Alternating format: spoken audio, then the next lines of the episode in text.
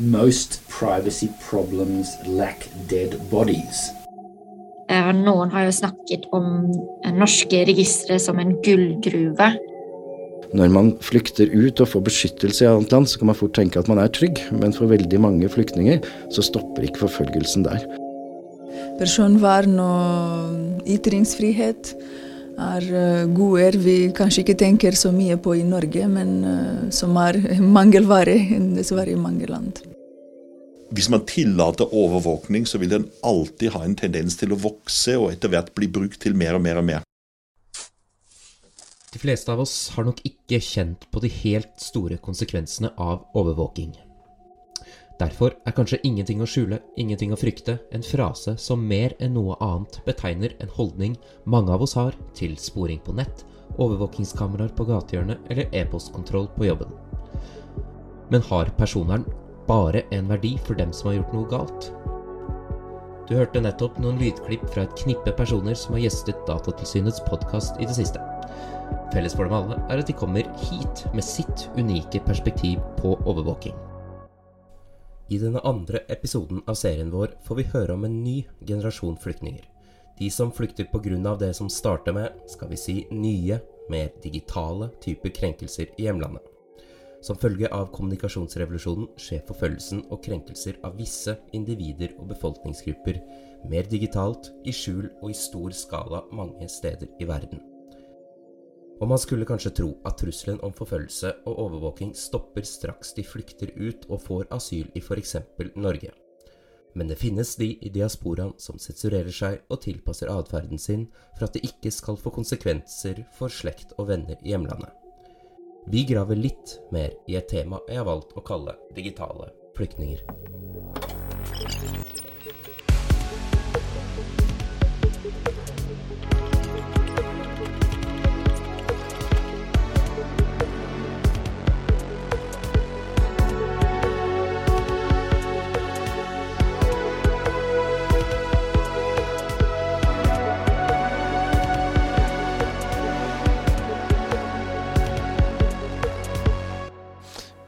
Altså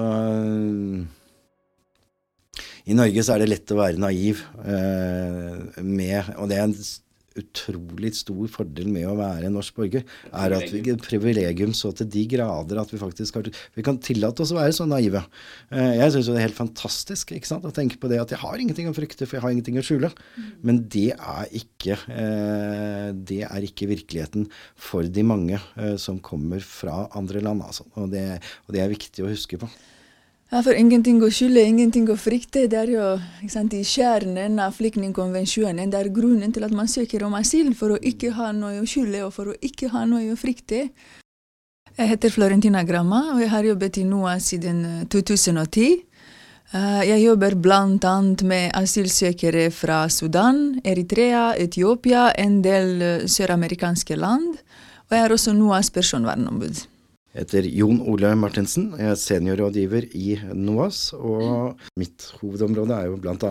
Iran og Etiopia, som er to land som har brukt mye ressurser på nettopp digital overvåkning, ikke minst også av diasporaen. Eh, det er jo som du nevner innledningsvis her, at eh, når man flykter ut og får beskyttelse i annet land, så kan man fort tenke at man er trygg. Men for veldig mange flyktninger så stopper ikke forfølgelsen der. Når man er politisk aktiv, og kanskje er blant de som er med å få Eh, folk i landet sitt til også å engasjere seg, er fortsatt på myndighetenes uh, interesse. Og uh, man bruker ganske mye ressurser uh, på å finne ut av hvem som er hvem, og overvåke hva de gjør.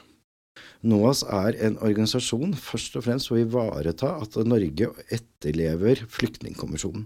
Eh, så vi er en interesseorganisasjon for Flyktningkonvensjonen, og det er viktig for oss å presisere at vi ønsker at de som har et reelt behov for beskyttelse, som faller inn under Flyktningkonvensjonen, de skal få sin rettmessige beskyttelse. Ny teknologi og nye metoder gjør det, ikke overraskende, enklere for ulike myndigheter å overvåke befolkningen i eget land og i diasporaen utenfor egne landegrenser.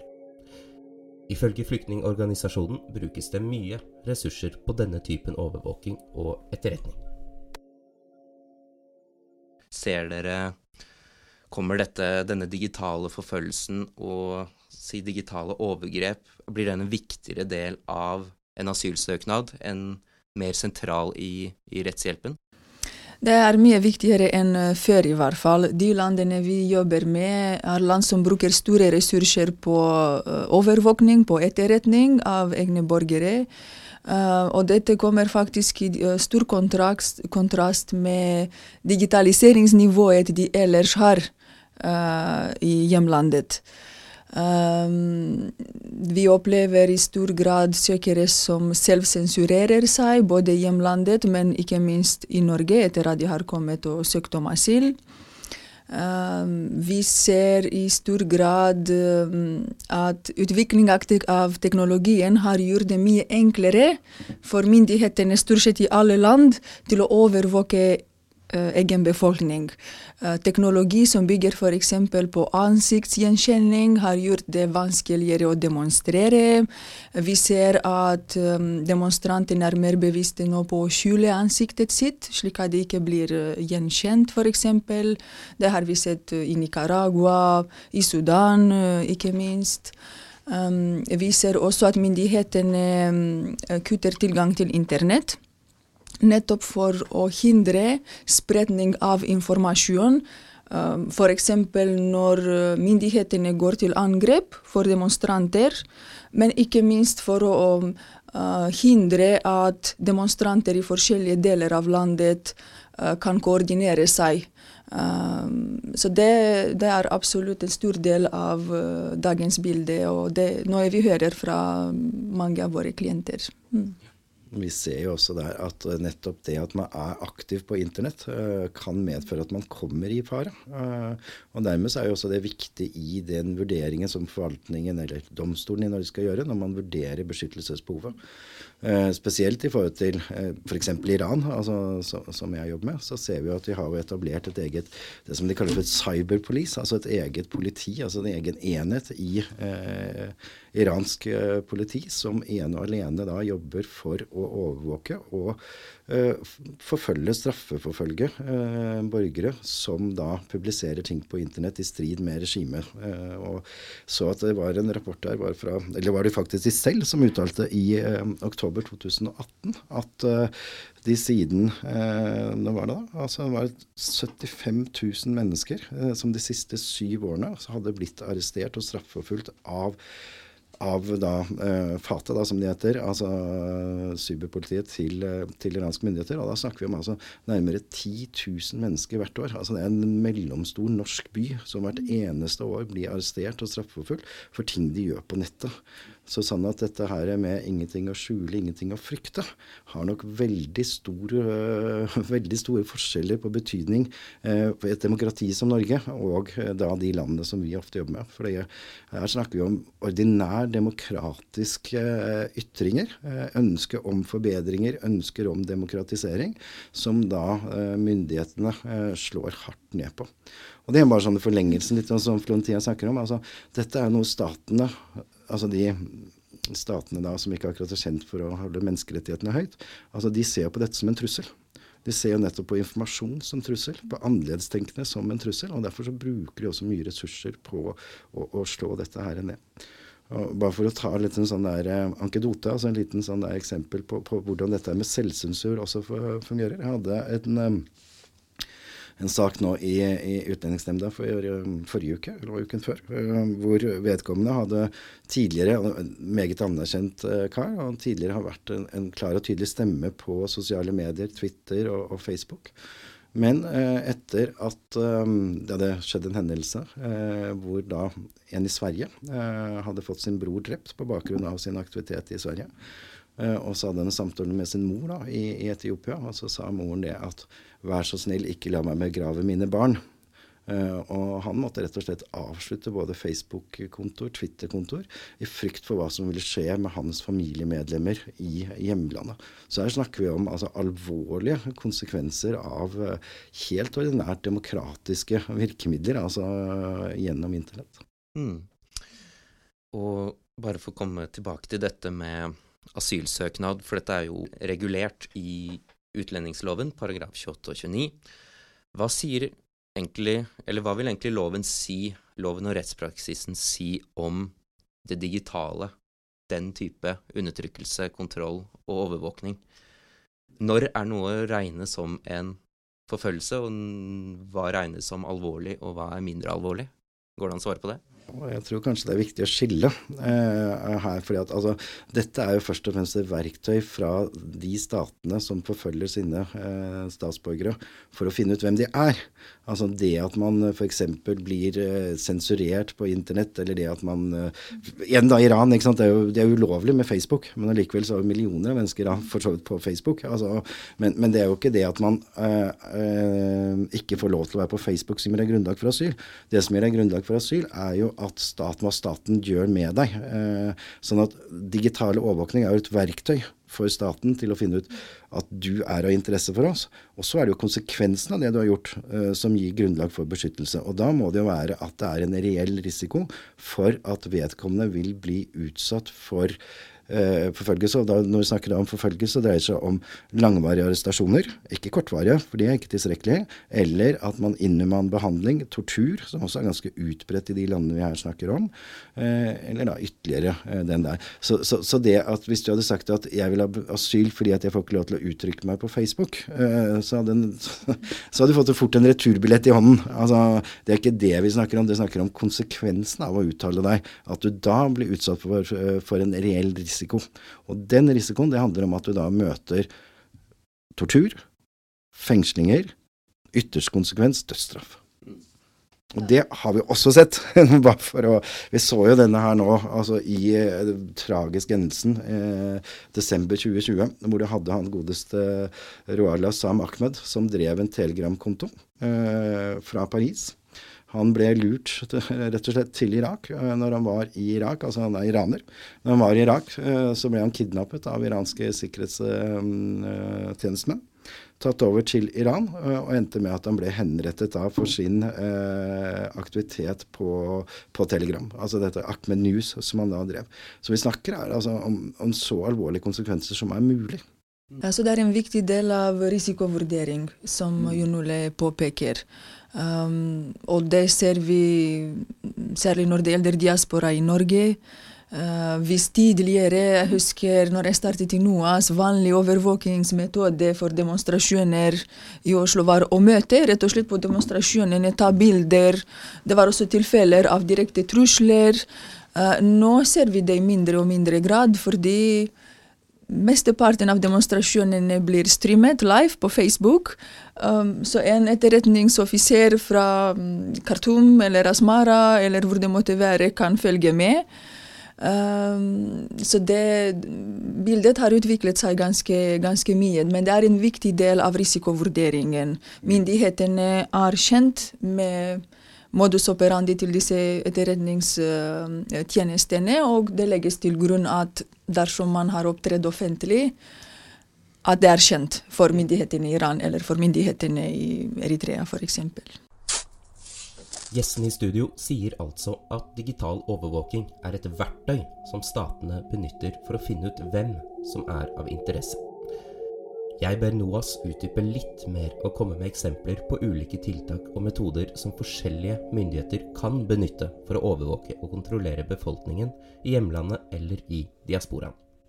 For å begynne med Etiopia, da, eh, så har vi jo sett eh, tidligere, altså før, eh, før regimeskiftet, altså før Abiy Ahmed tok over, at man brukte store ressurser. Blant annet så plantet man jo dette spionprogramvaren Finfisher på eh, datamaskiner. Altså i, eh, vi hadde bl.a. en her i Norge, altså i opposisjonen her i Norge, som fikk dette her eh, plantet på maskinen sin. Eh, og, og, det er jo et, et meget avansert, kjempedyrt spionvareprogram eh, for å fange opp da elektronisk over, altså aktivitet til, til vedkommende.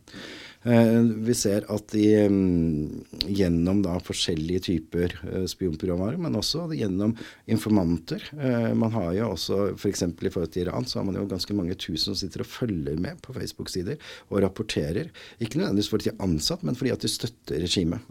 Så, så, dette er her. Så en liten igjen, altså, Nå har vi jo fått Abiy Ahmed, fredsprisvinneren, altså, som statsminister i Etiopia. Eh, han fikk nok kanskje den litt eh, prematurt, for å si det forsiktig. Eh, men det er også viktig å huske på at han i 2007 grunnla Etiopias informasjonsnettverk og sikkerhetsbyrå med ansvar for cybersikkerhet. Så det er nok ikke mindre fokus nå som det nå er blitt en konflikt i Etiopia, på nettopp da overvåkning både av egne borgere, men ikke minst også av, av diasporaen. Ja, eh, i hvert fall når det gjelder eh, Eritrea. Det er et land der eh, digitaliseringsnivået er veldig lavt generelt. Likevel bruker myndighetene store ressurser på overvåkning, både internt og eksternt av diaspora.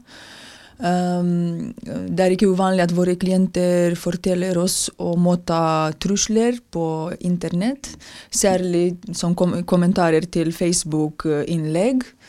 Uh, de opplever det som eller, veldig ubehagelig, for det er fra anonyme kontoer, så det er nesten umulig å spore hvor disse truslene kommer fra. Um, tilfeller får vi fortalt om at de nevner deres familiemedlemmer, barn i hjemlandet, noe som selvfølgelig kan være veldig skremmende og intimiderende. Eh, for veldig, veldig mange. Når det gjelder Sudan, uh, Sudan er nå i en transittperiode, så forhåpentligvis går mot noe bedre enn det som var før uh, før transittregjeringen tok, tok, makten. Men det er fortsatt stor grad av usikkerhet. Uh, og vi vet at uh, også myndighetene i Sudan har brukt store, ressurser på overvåkning, kontroll over hvem som forlater landet, hvem som kommer inn, um, sensur. Um, når, det gjelder, når, det gjelder, overvåkning både nasjonalt og av diaspora, så brukes det en blanding av um, standardmetoder, som å bruke infiltratører. Um, jeg tror at det, det, er godt kjent at Sudan ble dømt for flyktningspionasje i Norge, og det er ikke noe man opplever hver dag. Så vidt jeg vet, det er det eneste landet som i hvert fall de siste årene som ble dømt for, for flyktningspionasje. Og det ble da gjennomført på en mer sånn klassisk måte, gjennom, gjennom bruk av infiltratører. Uh, men uh, også gjennom uh, overvåkning av sosiale medier. Man ser også ut fra kommentarfeltene um, at uh, de som er politisk aktive, blir ofte diskreditert. Man får kommentarer som at du er ikke engang fra Sudan, du er fra Tsjad. uh, det samme gjelder søkere fra Eritrea, prøver å bli diskreditert. Um, så ja. Bare for å fylle ut litt, da, for å ta Iran som et sånn godt eksempel, som virkelig har, har mye kompetanse, altså, og, og, da bruker mye ressurser også på dette her, så ser vi det at det er jo flere her i Norge også som har fått hakket sine personlige kontoer på forskjellige sosiale medier. Altså av staten. altså Det, det er ingen tvil om at det er statsansatte altså, som da driver og hakker seg inn på personlig konto, både i Iran, men ikke minst også ute. Og vi ser også at de har ganske sånne DDS-håndtak, phishing, malware altså Alle disse her sånn type virkemidlene uh, bruker jo altså disse statene her for å, for å rett og slett da hindre eh, alt det der, men ikke minst også å undersøke, finne ut, kartlegge eh, for å holde, eh, holde, på makten. For det er jo viktig å huske hvorfor gjør man dette? Altså, dette dreier seg om de ikke-demokratiske land eh, som har behov for kontroll og bruke udemokratiske virkemidler for å beholde makten i landet. Og da er dette et ekstremt viktig verktøy blitt etter hvert. altså kan nevne uh, som Vi har veldig få saker uh, fra disse land, men det er også land som har veldig høy teknologisk utvikling. Uh, tenk f.eks. Kina. Vi får ikke mange søkere fra Kina, men det er allment kjent at si, teknologinivået i Kina er på et annet nivå, men brukes si, Ansiktsgjenkjenning brukes aktiv. Det er jo meldt veldig ofte at religiøse minoriteter, særlig kristne, blir overvåket. Um, de blir pålagt å sette inn kamera ved inngangen til kirkene, se hvem som sprer aktiv kristendommen. Så det er liksom en blanding når det gjelder søkerne vi får. Eh, de, de fleste er riktignok fra land hvor det brukes store ressurser på overvåkning, men digitaliseringsnivået i landet generelt er lavt. Eh, Hvordan jobber disse regimene dere snakker om, eh, opp mot diasporaen i Norge? Det er flerfasert. Altså, altså, det er mange forskjellige måter de gjør dette her på. Eh, ser man på de landene som vi nevnte i stad, Iran og Etiopia, så er det jo en blanding av informanter, digital overvåking, informatører som går aktivt inn i organisasjoner for å kartlegge. Og vi har dessverre også hatt eksempler når det gjelder Iran, også for å forsøke å uh, eliminere. Altså, Vi har jo hatt han uh, som ble arrestert i Danmark, men da forsøk på å, altså drapsplaner på sentrale eh, opposisjonelle. Eh, så, så, men det som, er, som, som, Florentina var inne på her i sted, altså det vi har jo sett, er jo også at det er en større grad av digital overvåkning. Altså større grad av at man følger med på, på, på nettet, på sosiale medier, på altså disse eh, strukturene eh, enn tidligere. Men, men i hvert fall altså, det er fortsatt også god si, gammeldags, klassisk eh, måte å få kontroll på. Altså gjennom eh, informanter og og folk som rett og slett utgir seg for noe annet enn det de er.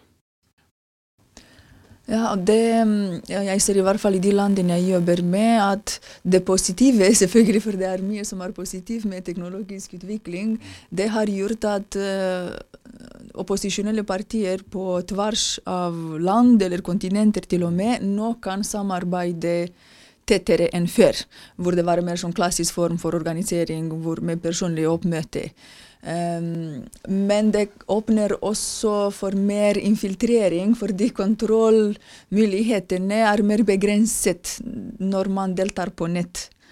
Uh, F.eks. Uh, eritreere, eritreiske opposisjonspartier var ganske selektive med hvem de aksepterte som medlemmer, og de hadde en form for, for bakgrunnssjekk for å gjøre det de kan for å unngå uh, infiltratører.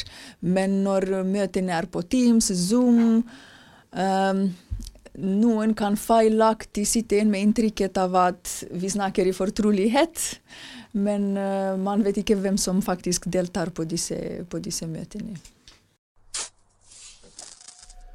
Aldri før har vi lagt igjen mer data om oss selv i vår daglige bruk av ulike tjenester som nå.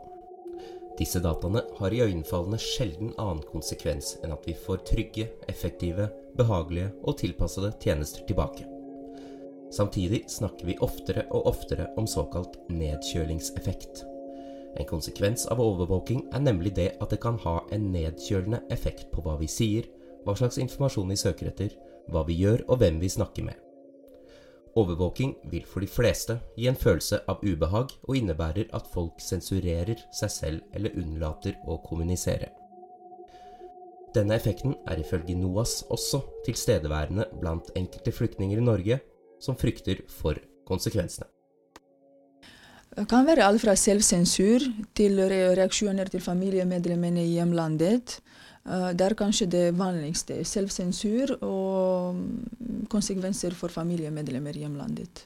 Helt konkret så er det jo at f.eks. at når du har lagt ut noe på en på internett, eller gjort noe i Norge som blir fanget opp av f.eks. iranske myndigheter, så kan altså faren din eller broren din eh, bli kalt inn til avhør. Han kan bli sitte arrestert en dag, to, tre, eh, og med en klart sånn budskap om be sønnen, broren din, å slutte med dette, ellers får det konsekvenser der.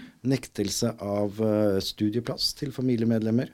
Nektelse av å få tillatelse å drive næringsvirksomhet. Altså helt konkrete uh, um, konsekvenser som har stor betydning betydning for, for livs, livet ditt. ikke sant? Livet til familien din. Eh, og det er også en sånn der måte å ramme på. Det er igjen tilbake til hva jeg skulle nevne også i sted. ikke sant?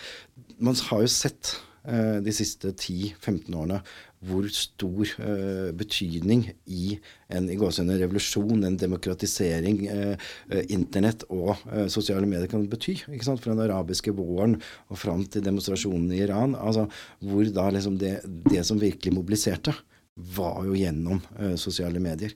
Derfor har man jo også sett nå de siste årene at det har blitt en økt uh, tilstedeværelse av myndighetene, men ikke minst også konsekvenser av å drive opposisjonell virksomhet gjennom da sosiale medier og internett. Ja, også Enkelte også i Norge rapporterer om trakassering fra andre landsmenn dersom de uttaler seg kritisk om hjemlandet. Så det kan være i hvert fall ubehagelige eh, erfaringer også i Norge.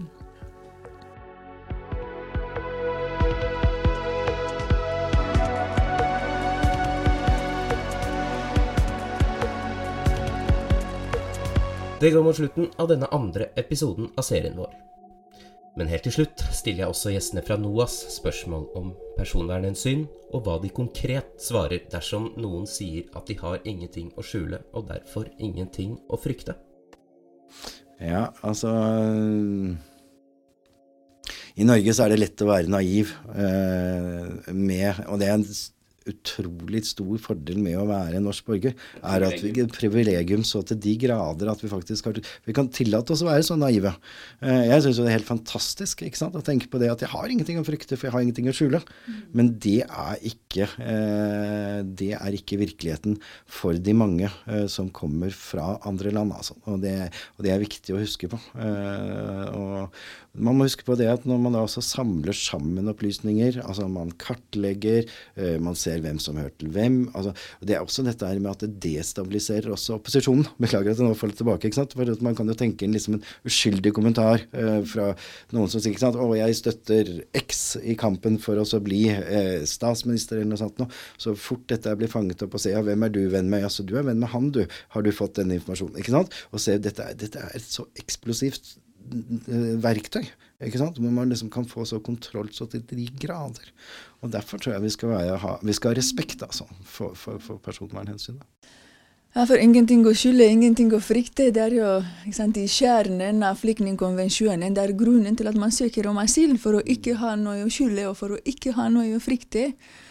Eh, så det er kanskje viktig at vi, vi husker eh, det når vi snakker om flyktninger. Ja, det, det, er grunnen til at de søker om asyl, for å ikke ha noe skyld og ikke ha noe frykt. Det heter jo frihet fra frykt. Mm. Og det ja, det er et meget godt poeng. Mm. Hva tror dere vi har og vi kan lære av uh, diasporaen i Norge om verdien av personvern? Noen tanker om det? Jeg tror iallfall det vi først og fremst skal være veldig klar over, er at uh, det er ikke alle som lever i et samfunn som Norge. Uh, og konsekvensene av å ikke ta personvernet på, på alvor kan ha stor betydning for andre som kommer fra eller har familie i land hvor eh, man risikerer de mest alvorlige konsekvensene. Eh, vi er kjempeheldige i Norge. Eh, det håper jeg at vi vil være over lang tid. Men eh, det er ingen som kan spå om fremtiden. Og det er klart at eh, derfor skal man ha, være forsiktig. Altså, og ikke minst også hvis du er er i et annet land, du er i, andre steder, så kan altså ting du har gjort i Norge, dukke brått og plutselig opp der. Eh, og når det gjelder personvernhensyn i forhold til asylsøkere, flyktninger, så, så, er det jo et ekstra ansvar for å sørge for at ikke vi setter verken de selv i fare eller deres nære i fare. Florentina og Jon Ole, tusen takk for at dere kom. Takk for at vi kom. Takk for invitasjonen.